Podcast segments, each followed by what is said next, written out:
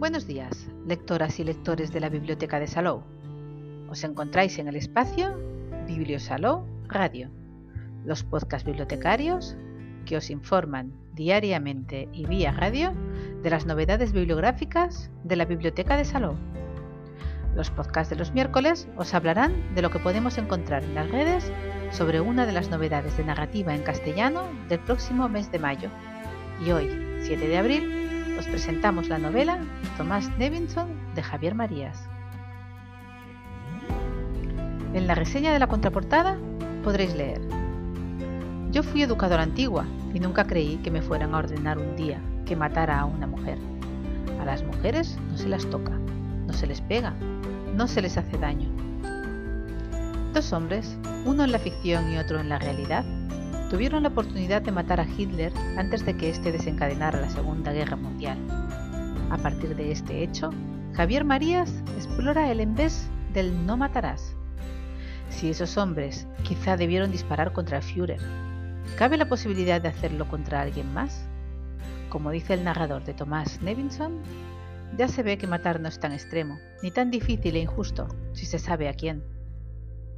Thomas Nevinson, marido de Berta Isla, cae en la tentación de volver a los servicios secretos tras haber estado fuera, y se le propone ir a una ciudad del noroeste para identificar a una persona, medio española y medio norirlandesa, que participó en atentados del IRA y de ETA diez años atrás.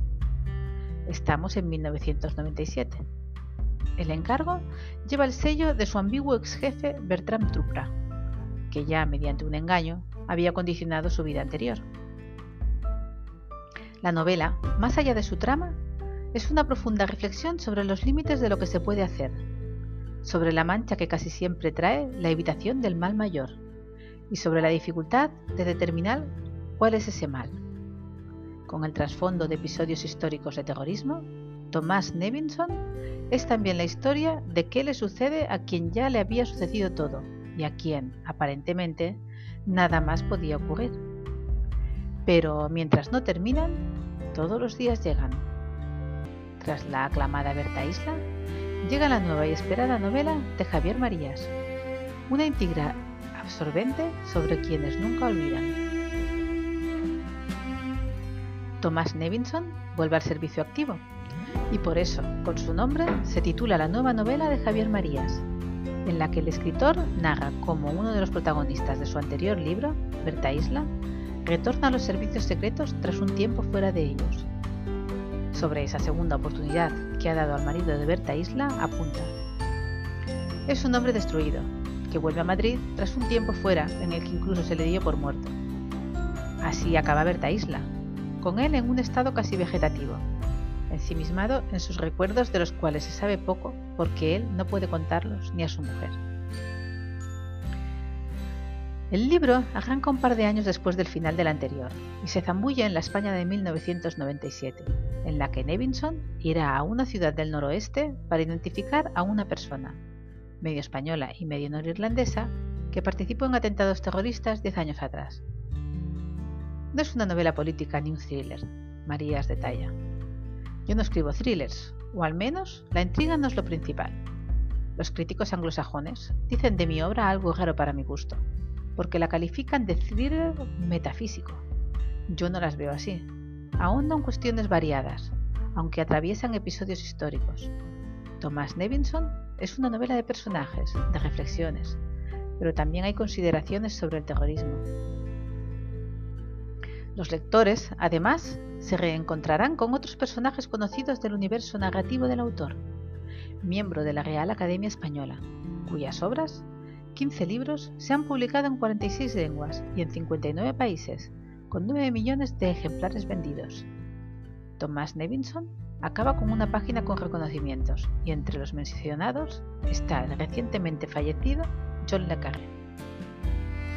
Nadal Suau, del Cultural, nos dice de la novela. Thomas Nevinson no es un divertimento, ni una Marías All Star, sino una extraordinaria novela precisa en su ejecución, milimétricamente controlada en su aparente dejarse ir, seria y hasta densa en su visión del tiempo, la identidad individual, las consecuencias de nuestras decisiones o indecisiones. A Javier Marías, no lo encontraréis en las redes sociales. De ellas opina. Por la manera en que funcionan estas redes sociales, hablo de oídas porque no las frecuento ni las miro nunca ni utilizo siquiera el ordenador. Basta con que haya dos o tres individuos que montan una escandalera, con base o sin ella, sobre algo para que otros muchos se apunten enseguida por mero mimetismo y eso crezca, lo cual indica también lo fácil que es manipular a la gente hoy día. Para dar su opinión, a menudo polémica, utiliza su labor como articulista, que ha sido muy influyente tanto en España como en América Latina, y ha aparecido en medios muy relevantes como los periódicos españoles El País, el suplemento El Semanal del Grupo Correo, para el que dejó de escribir después de un incidente en el que alegó que se le había censurado, y la revista mexicana Letras Libres. En 2002 publica la que sería su obra más ambiciosa, tu rostro mañana, dividida en tres tomos, debido a que su extensión era mayor a las 1500 páginas. Desde el año 2006 es miembro de la Real Academia de la Lengua, ocupando el sillón R.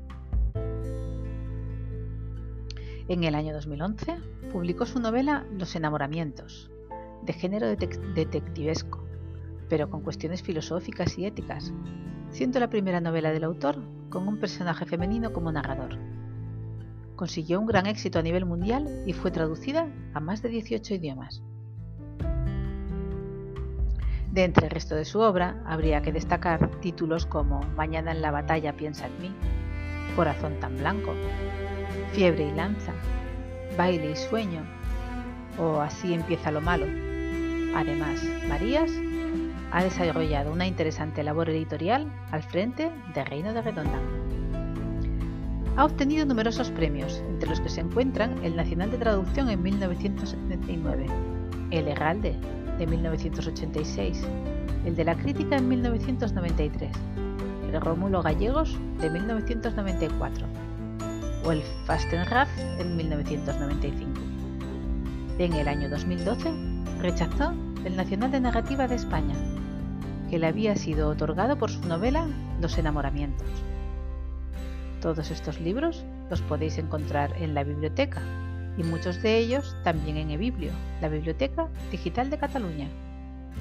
Y hasta aquí el podcast de hoy, pero tenemos más novedades de narrativa en castellano que iremos descubriendo cada miércoles a las 11. Que tengáis muy buen día y muy buenas lecturas que os acompañen en el día a día.